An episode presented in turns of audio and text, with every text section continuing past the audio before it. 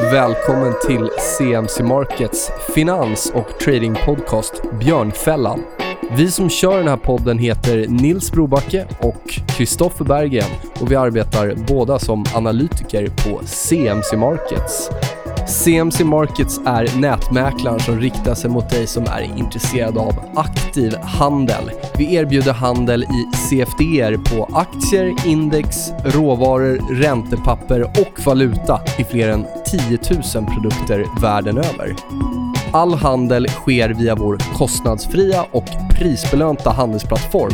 Vi finns nu i 17 länder och är börsnoterade på London Stock Exchange.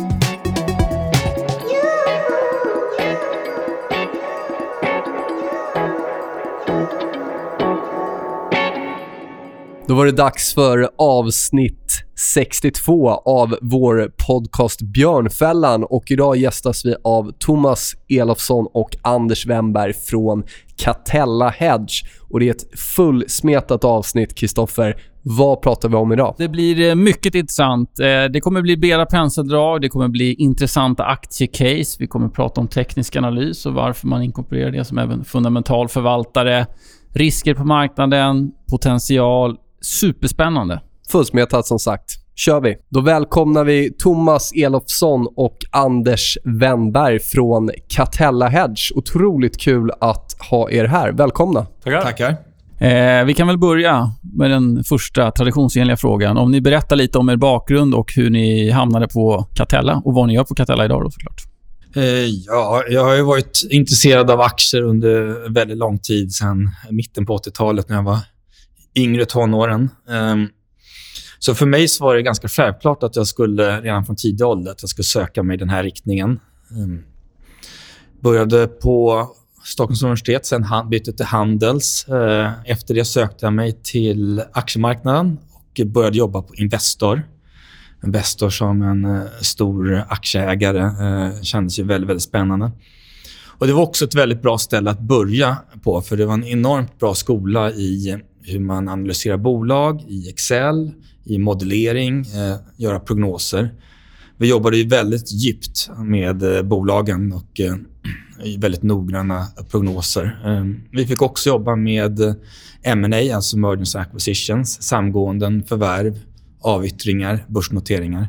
Så det var en bra plantskola. Var det analytikerroll då? Som det var analytikerroll. Ja.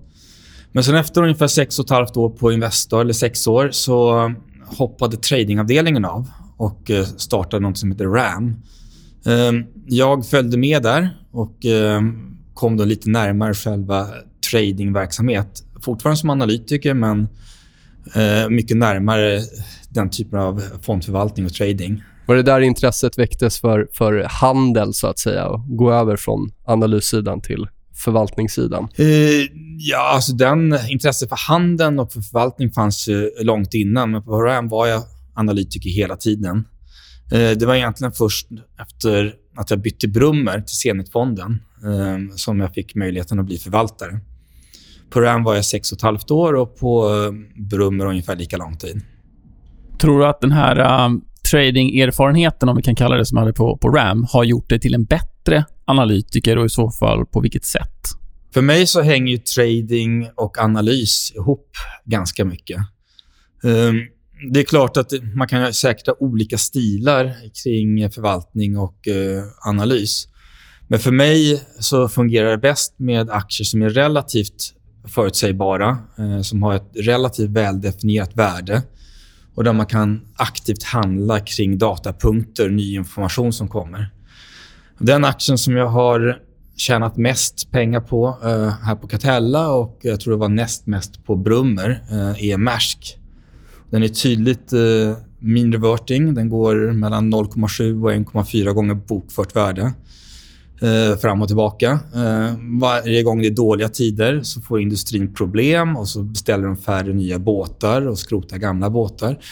Och Då skapar de förutsättningar för en återhämtning ett eller två år senare.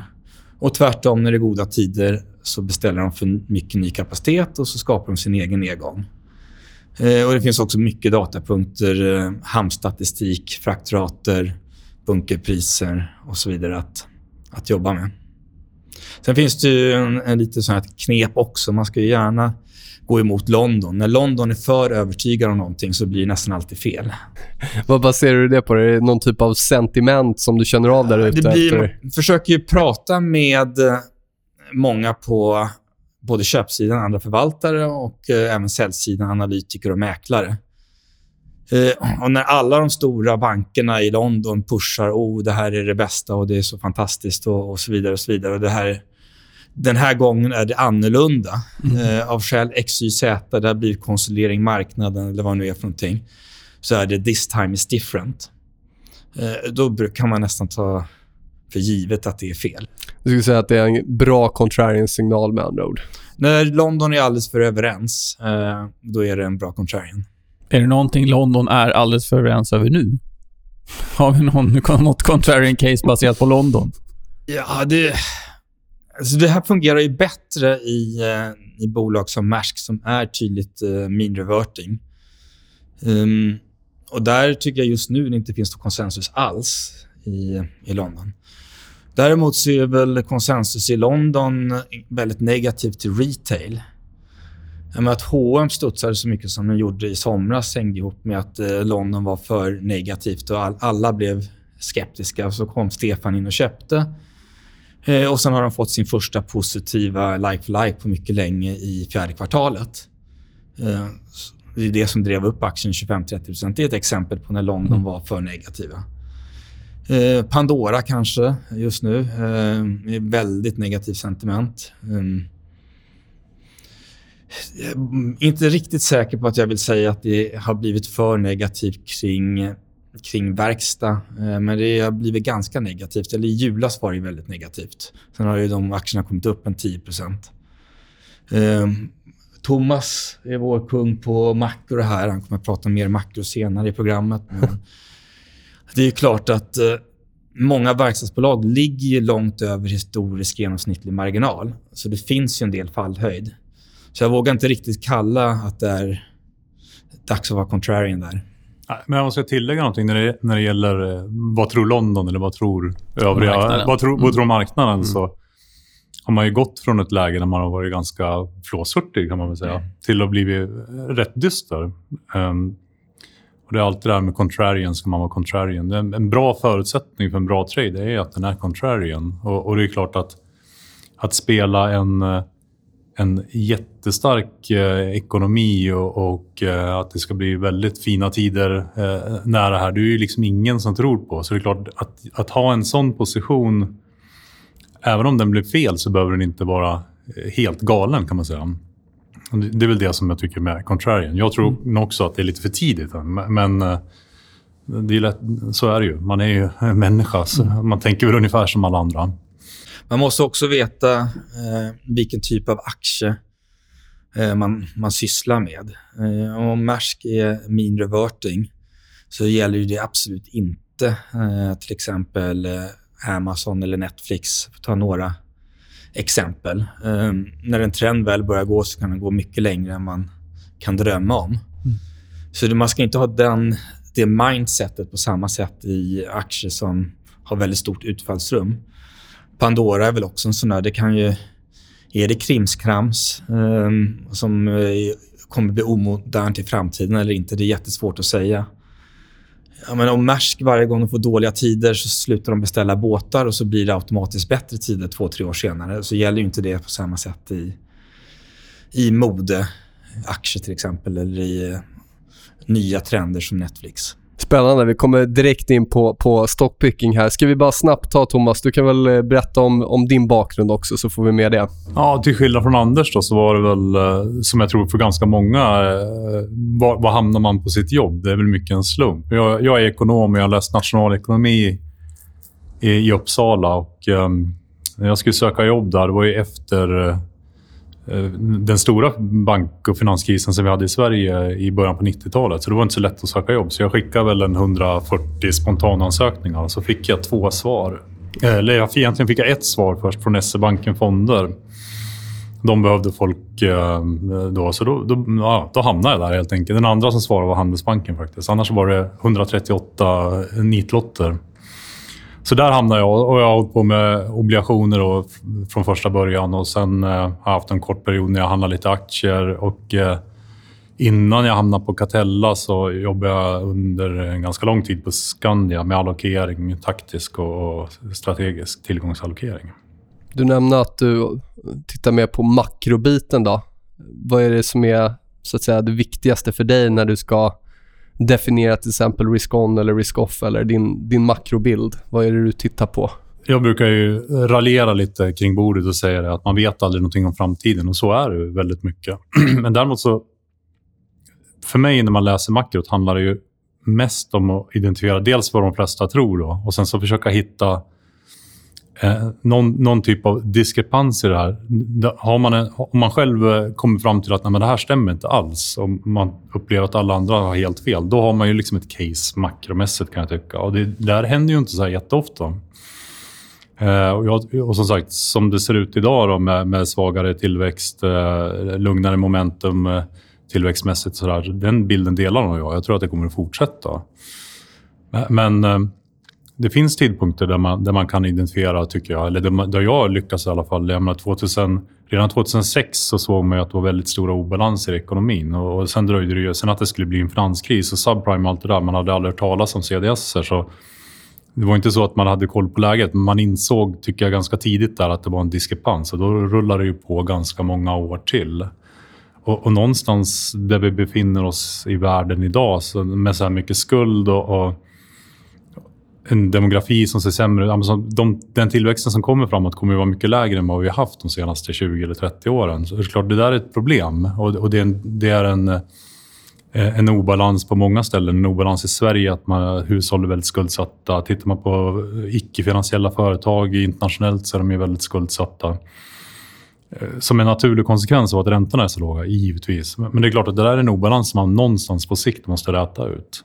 Och så, så det, är ju, det är ju mer en strukturell sak. Och det är klart att det här korta, att försöka spela marknaden på det, det är ju väldigt, väldigt svårt. Utan då måste man ha någon typ av ja, trigger då, som gör att det där vänder. Och den här gången är det väl att det har blivit lite oro för handelskrig och det är Brexit och Kina går ju lite trögare och sådär. Så jag tycker liksom, det är, det inget omedelbart som man kan se, tycker jag, idag. Sen för mig då, som har hållit på med... Ja, det här ska jag komma till. Att för mig är det ju mycket som hållit på med obligationer, då har det varit mycket att läsa centralbankerna. Och då, och då är det klart att då varierar det lite grann vilka parametrar som är intressanta. Och de senaste... Ja, sen finanskrisen och e-, egentligen ända sen kanske 2000 och sånt där, så har de varit otroligt fokuserade på inflationen. Så det är ju den absolut viktigaste parametern att ha en åsikt om. Tillväxten är ju sekundär ändå för de flesta centralbankerna, så inflationen är den viktigaste. Men sen är det klart, man får lyssna på vad de säger. Ibland så slänger de upp någon kanin och säger nu tittar vi på arbetsmarknaden. Ja, då får man eh, fokusera lite mer på det. Så det varierar lite. Ja, men centralbankerna, det är väl som föräldrarna där hemma i, man själv känner i föräldrarollen. Man, man vill så gärna vara, vara hård. Nu är det dags att uh, höja räntan. Vi måste normalisera det här. Vi har jättemassa godis till barnen. Det har inte funkat. Det har inte skapat någon långsiktigt lycklig uh, barn eller bra ekonomi. Så nu måste vi börja skärpa oss. Och så provar man. Och det har gått bra hittills, nästan eh, fram till i alla fall september, oktober. Eh, räntehöjning 25 punkter i kvartalet och börjat med tapering, det vill säga dra ner balansräkningen. Eh, men helt plötsligt så börjar man se eh, sprickor i fasaden. Först emerging markets, Argentina, Turkiet eh, och så vidare. Eh, emerging markets är oftast de som faller först. Sen kommer det tillbaka lite problem i EU, de svaga länderna i, i Sydeuropa. Och sen till slut så faller även den stora jätten, det vill säga USA-börsen. Och Det var det som hände i egentligen sista kvartalet. Nu är vi ändå inne på centralbankerna, så vi kan väl prata lite om det. Men hur, hur ser ni på...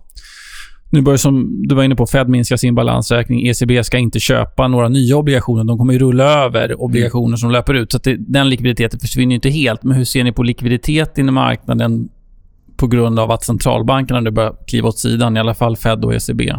likviditet är en stor gråskala. Mm. Eh, om vi tar de stora likvida bolagen, eh, där är det absolut inget problem överhuvudtaget. Eh, men för små i likvida aktier har det blivit sämre likviditet. Eh, det är svårare för bolag med svag balansräkning att ge ut eh, krediter. Så likviditeten torkar ju upp underifrån på något sätt. Ehm, vi har väl fortfarande ganska mycket excesskapital i systemet, eh, måste man ju säga. Det är fortfarande mycket pengar som parkerade på konto hos centralbankerna. Fortsatt väldigt låga räntor och fortfarande någon form av yield jakt där ute. Mm. Men man har tappat intresse för det med sämre kvalitet. Om vi tittar på 2018, vi hade ju volatilitetsexplosionen i februari för att sen gå upp till nya all time highs på S&P och som ni nämnde då, då urtoppningen här i september oktober där vi nästan hade en vertikal uppgång i bland annat FANG och så eh, större ras efter det. Är det nåt som har förvånat er om vi blickar tillbaka här när det gäller just makro eller, eller på bolagssidan under 2018? Jag skulle väl säga att eh, slutprodukten är kanske inte jätteförvånande. Att eh, tapering och räntehöjningar skulle kunna leda till att 2018 blev ett svagt börsår. Det, det hade man kunnat gissa faktiskt i början på året.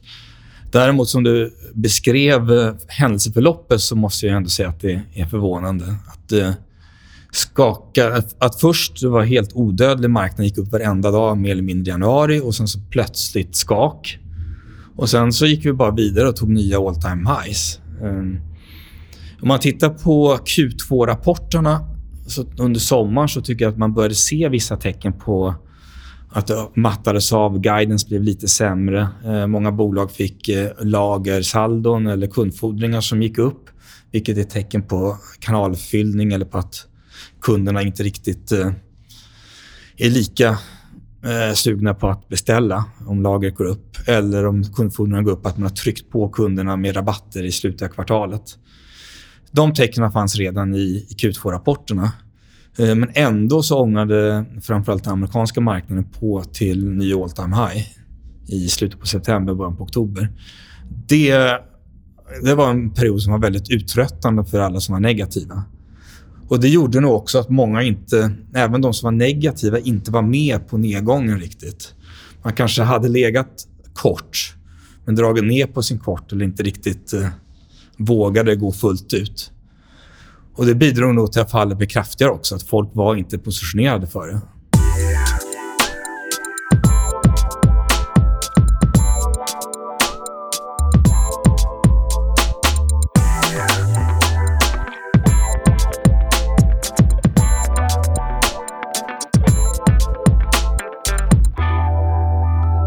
Nämner distriktpansen där mot OMX.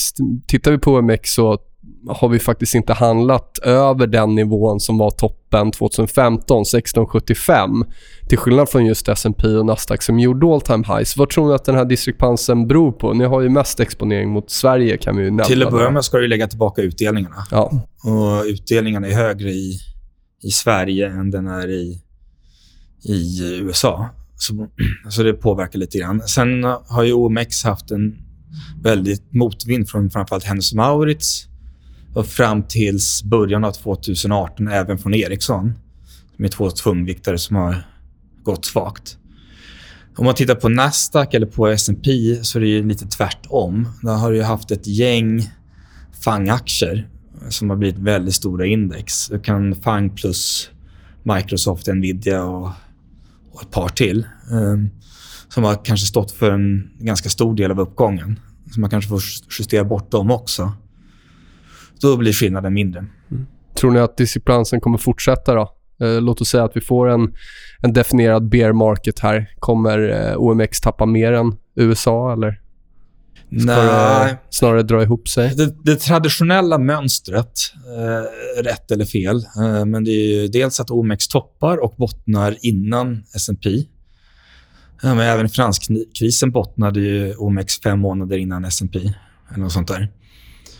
Eh, det andra mönstret är att eh, speciellt på väg in i en bear market så blir börsen smalare och smalare. Eh, det gäller vilka aktier som fungerar på en börs. I USA så har det varit Amazon, eh, Google, Apple med flera som har, man har hängt sig kvar vid. Ehm, och också vilka marknader som fungerar. Och framförallt USA brukar ju vara den som, som man gömmer sig i när det börjar kännas lite osäkert. Och Det gör ju att eh, första fasen av nedgången så går ju USA nästan alltid bättre.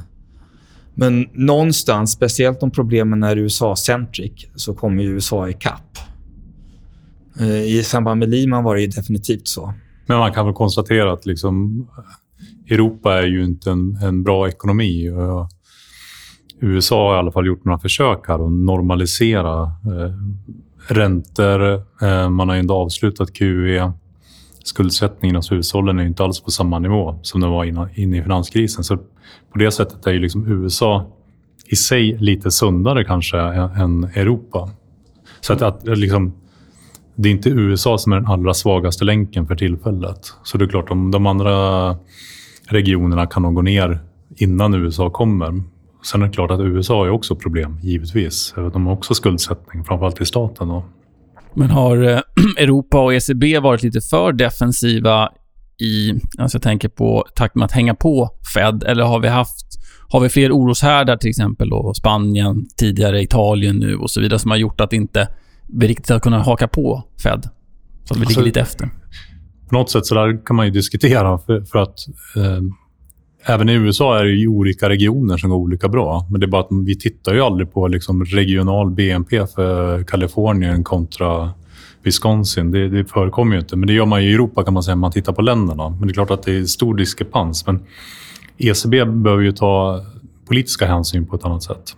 Ska jag säga. Så det är liksom lite grann därför hade de fört en penningpolitik som hade varit lämpad för Tyskland, då hade vi Eh, inte varit i det här läget nu. Men man har ju fört en penningpolitik som är lämpad för hela, hela regionen och där är ju en del svagare länkar.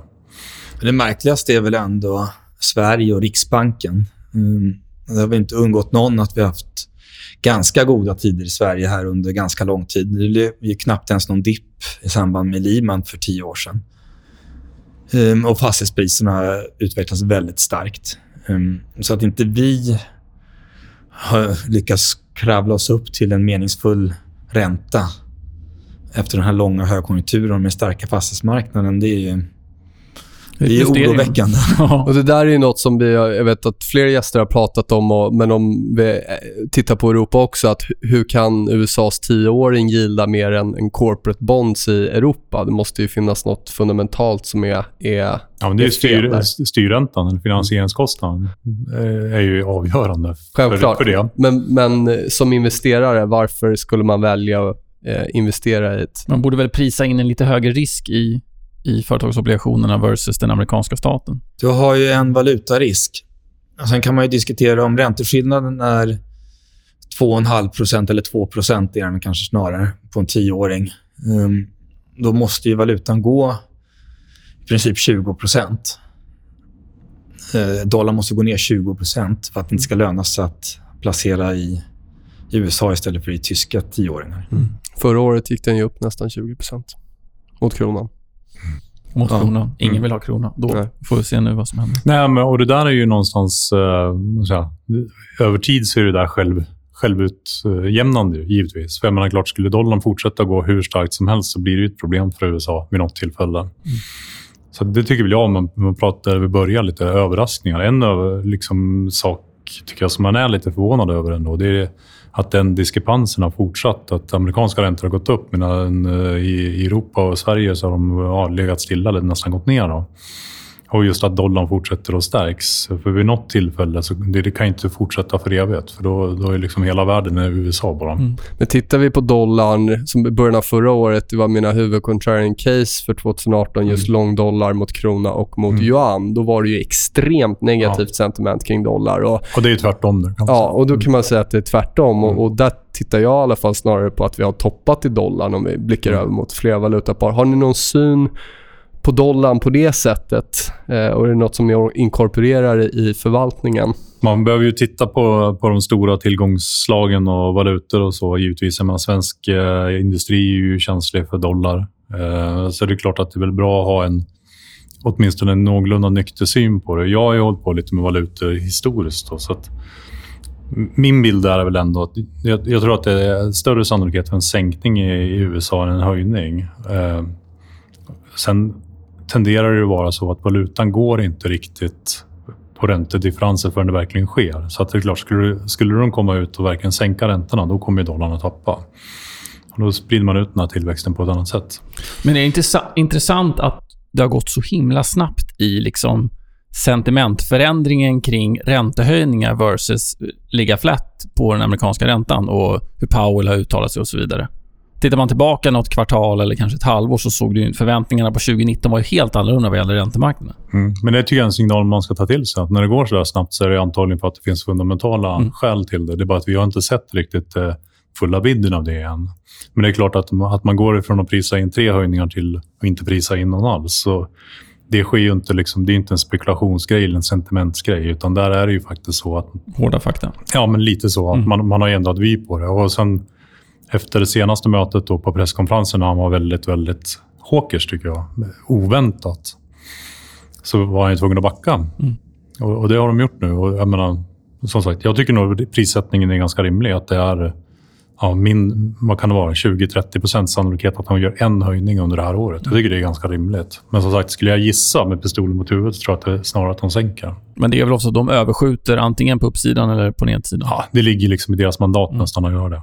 Men om vi ska försöka koka ner allt det här. Nu blir det väldigt många intressanta sidospår här. Hur ser förvaltningsfilosofin ut? Ni jobbar ju med lång kort, ni jobbar med räntor, ni jobbar med indexderivat också, va? Eh, hur, hur, hur hittar ja, ni case? Och... Indexderivat är mer för att justera totalrisken. Mm. Eh, det är inte en jätteviktig aktiv del av, av förvaltningen. Utan vi försöker hitta case bolagsspecifikt. Um, vi ligger nära bolagen. Vi har eh, inte alltid, men ofta egna modeller, egna prognoser. Eh, förhoppningsvis har vi bättre prognoser än marknaden. I alla fall en känsla för om vad som är på väg upp och ner eh, prognosmässigt. Man får en känsla av vad som driver och hur viktiga faktorer är. När en valuta rör sig, eller en fraktrat eller ett bränslepris eller vad det är för någonting, så kan man ganska snabbt räkna ut vad effekten borde vara. Och analytikerna, säljsideanalytikerna, de uppdaterar prognoserna oftast precis före och precis efter en kvartalsrapport så kan det gå två, nästan tre månader de inte gör någonting. eller om kursen rör sig kraftigt. Ja, eller om kursen rör sig kraftigt. så det går ju att ligga före i, i revideringarna och använda det för att köpa det som man tror ska få upp revideringar och, och blanka det som man tror får ner revideringar. Men samtidigt så räcker ju inte det här för att um, det finns mycket annat som driver aktierna. Dels kan ju alla andra Eh, förvaltare göra samma sak. Eh, det kanske redan ligger i börskurserna att ehm, ett bolag ska missa eller slå förväntningarna. Ehm, så man måste prata med andra förvaltare, man måste prata med analytiker, förstå vad som är storyn i aktien. Förstå om marknaden kan tänkas ha fel, vara för optimistisk, för pessimistisk eller vad det är för någonting. Men är, kör ni en, är det top-down eller bottom-up? Alltså, var, var, börjar ni att leta case någonstans? Är det utifrån ett scenario makromässigt eller är det bolag, starka bolag som då har ett intressant scenario? Vi försöker ju se både top-down och bottom-up, men uh, approachen är mer bottom-up-fokuserad. När det gäller systematisering av strategin, hur ser det ut där med entry, exit, size, risk och så vidare? Eh, har ni en automatiserad process eller en diskretionär process och vad är i så fall eh, fördelar där skulle ni säga? Det är en diskretionär process, eh, men en del kan uppkomma på många olika sätt. Man kan ha fått tips från någon annan som man har förtroende för. Man kan ha snubblat på någonting. Eh, det kan vara någon fraktrater eller någon eh, dollarkurs som rör sig eller någonting. Eh, det kan börja med en screeningprocess man tittar på vilka aktier har gått för bra respektive för dåligt i förhållande till estimatrevideringar. Ehm, det kan också vara makrobaserat. Att nu får vi en svag PMI-siffra. Eh, vilka aktier kommer då vara mest exponerade? Ehm, och så vidare. Så det kan vara många olika sätt en idé uppkommer, både top-down och bottom-up. Men när man väl har en idé så bör man eh, gräva lite grann i den. Ehm, Känns den fortfarande bra så är det inte ovanligt att man skaffar sig en liten position. Lång eller kort, beroende på om det är lång eller kort idé. Och då blir det ju den kursen som det är just då. Eh, men sen från den tidpunkten så lär man sig successivt mer om bolaget. Eh, men tar också hänsyn till teknisk analys och kursgrafen och flöden och hur marknaden i övrigt beter sig för att växa in i positionen. Ni har ju en räntedel också i fonden, obligationsdel. Vad, vad är det? Är det mot uh, företag eller hur, hur ser räntedelen ut? Man kan säga att det är företagsspecifik risk som driver avkastningen i, i den delen också. Framförallt idag då, när räntorna är så otroligt låga. Men, men det är klart, vi hanterar ju... Eh, när aktiekillarna ligger lika mycket lång som short ungefär. Det är en lågrisk hedgefond, så vi har mm. ju inte ett stort netto att tala om. Så då drar ju de inga, inga pengar. Så de pengarna hanterar vi likviditetsmässigt. Och det är klart, mm. det gör ju vi ja, i, i princip riskfria papper. Då. Så det är liksom tvådelat. Då. Dels en likviditetshantering och sen dels en, en del där vi försöker skapa avkastning då, ifrån företagsobligationer. Det är viktigt att du kommer från räntesidan och du från aktiesidan. Vad känner ni att ni... Har ni lärt er någonting av varandra från respektive marknad och vad då i sådana fall? Ja, absolut. Ja, men marknad, de här två marknaderna samvarierar ganska mycket men går ändå inte riktigt helt i synk. Eh, ibland så är det räntemarknaden som leder genom att dra upp kreditspreadar eh, på för svagare låntagare. Ibland är det aktiemarknaden som ligger före. Så på det sättet så kan man lära sig av varandra, absolut. Mm, jag tror det är en bra poäng. För jag, jag vet inte, en del av bilden av att kreditmarknaden fångar upp problem snabbare än aktiemarknaden. Det sägs ju att den är smartare. Ja, men vi som håller på med obligationer är ju lite smartare mm. generellt. men, men eh, jag tror att den där bilden eh, eh, den är lite färgad av det som hände under finanskrisen. För att, eh, tittar man över, över lite längre horisont så skulle jag säga, precis som Anders, att det är inte på det sättet. Det varierar lite grann. Men, men, men, jag är, jag menar, där jag kommer ifrån och som jag har jobbat, och även om jag pratar mycket makro, så är jag är väldigt trakterad av det här att försöka stämma av marknader mot varandra. För det är klart att om det uppträder ett stort problem i, i kreditmarknaden, så förr eller senare så kommer det att spilla över till aktiemarknaden och tvärtom. Sen har du råvarumarknaden, men om råvarumarknaden går upp eller ner, det är klart att det säger någonting om, om slutlig efterfrågan och säger någonting om konjunkturen kommer alltså någonstans att spilla över på aktiemarknaden och räntemarknaden. Samma sak med valutor. Får man häftiga valutarörelser, det är ett tecken på någonting. Så att jag tycker det är väldigt viktigt liksom att eh, försöka läsa av de här marknaderna och göra någon slags crosscheck egentligen för att förstå vad som händer. För att Problemet med makro, det är jättebra med makro, men det, all den statistiken kommer ju dels några, någon eller några månader senare och sen tar det ju tid innan det märks riktigt.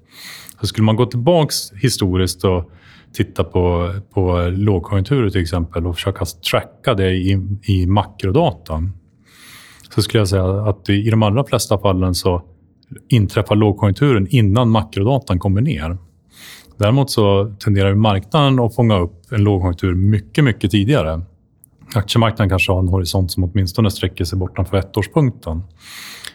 Eh, problemet med det är att det är inte varje gång som aktiemarknaden går ner som det blir lågkonjunktur. Utan aktiemarknaden går ner många andra gånger utan att det blir lågkonjunktur. Så det, det är ett spel som man måste läsa. Och det är väl ett jätteintressant läge just nu. att Den här sättningen som vi har under eh, fjärde kvartalet eh, kan man säga så här, ja, men det stämmer ganska bra in i en bild på att ja, men de, det kommer att bli mycket svagare tillväxt och det kanske till och med blir lågkonjunktur. Då kanske det ska ner lite till. Då. Eh, men det vet vi ju liksom inte, utan det här kanske bara är ett gyllene köptillfälle.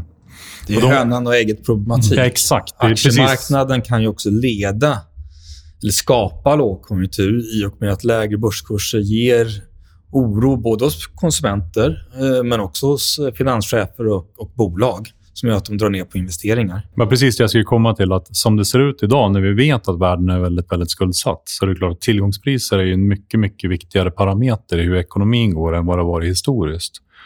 Eh, och, och de, de, eh, de flesta människor Eh, eller ja, tittar man på, på privatpersoner så är det klart att hus, hus är ju liksom den viktigaste tillgången man har. Och bor man i Stockholms innerstad som några av oss gör, och, eh, eller i nä, nära eh, regioner, Anders och jag bor på Lidingö.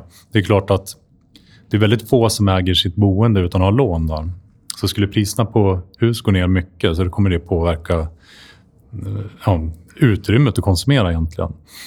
Och samma sak gäller ju börsen också, givetvis. Att om börsen går upp så känner man sig lite starkare. Man kanske tar den där extra champagneflaskan man är ute. Men, men, eller köper en båt eller vad man nu gör. Och går börsen ner, då känner man sig lite fattigare och eh, då kanske man drar tillbaka lite grann. Så det där är ju ett samspel. Eh, och, det är ju lite olyckligt att man har hamnat i det läget att man blir så otroligt beroende på tillgångsmarknaden. Och otroligt beroende av centralbankerna. Centralbankerna är ju någon form av socialistisk centralplaneringstanke här, eh, så som de har riggat kapitalmarknaden och eh, obligationer i första hand, som sen har spritt sig till de andra bitarna. Och nu försöker de ju backa ur det där samtidigt som de inte vill att tillgångspriserna ska gå ner för mycket för det kan orsaka avmattning på konjunkturen. Så det, är, det blir inte bara hönan och ägget-problematik, utan det blir chicken race här också. I hur mycket vågar de göra och hur reagerar marknaden? Hur mycket kan marknaden tvinga dem att backa från sina planer att, att strama åt penningpolitiken? Sen kommer ju en centralbank aldrig säga att ja, men vi sitter och tittar på börsen. Om den går upp eller ner påverkar vår räntepolitik. Men de facto är det ju så. För tittar man på Fed så är det klart att de har inte varit det minsta oroliga när börsen går upp. Snarare mm. tvärtom kanske. Att de har tyckt att ja, men det här är ett bra tillfälle att försöka ja, höja räntan och normalisera politiken. Men sen när börsen får lite problem och blir lite skakig, då blir de ganska snabbt kalla om fötterna. Men det är också intressant. Man ser ju hur mycket marknaden fokuserar på centralbankerna när det blir oro. Då går man direkt dit till bara, ah, kan det bero på att de drar tillbaka likviditet? Beror det på räntehöjningar och så vidare? Innan de började pumpa in likviditet efter finanskrisen så hade man kanske inte... Man har alltid haft en tilltro till dem, men inte direkt att man hoppar på dem på samma sätt så fort det går ner. Nu känns det som att, som du var inne på, man är liksom beroende av dem. Ja, ja. Nej, men jag tycker det är en väldigt bra... Beroende är ett väldigt bra ord. för att Jag tycker man kan likna världsekonomin med, med en missbrukare, alltså någon som har allvarliga alkohol eller drogproblem. Och man vet ju att det är långsiktigt är ju vansinne, eller hur? Så då vill man någonstans in på avvändning. Och I det här fallet då, avvändning skulle ju vara att man normaliserar räntorna så att räntorna kommer i nivå med nominella tillväxten. Och det är ju väldigt långt bort. Problemet är ju att eh, gör man det där för snabbt så, så ja, får man ju ganska kraftig abstinens. Och det är det vi ser här. Och Då är det svårt att göra det och då får man skjuta det på framtiden. Men det här är ju, innan, innan vi har liksom en normal ränta, det kommer att dra väldigt lång tid. Det är en jättelång process. Och Det finns också liksom en disconnect mellan man tänker sig att centralbankerna försöker att stimulera ekonomin. Eh, och det gör de ju. Men på de här nivåerna så är det ju snarare så att den stimulansen kommer ut till finansmarknaden. Och då går, går marknaden upp och då blir det någon slags stimulans tillbaka till ekonomin. Men det är klart, om man flyttar räntorna från 1 till 1,5 det är inte så att det händer inte så jättemycket om man ska vara helt ärlig.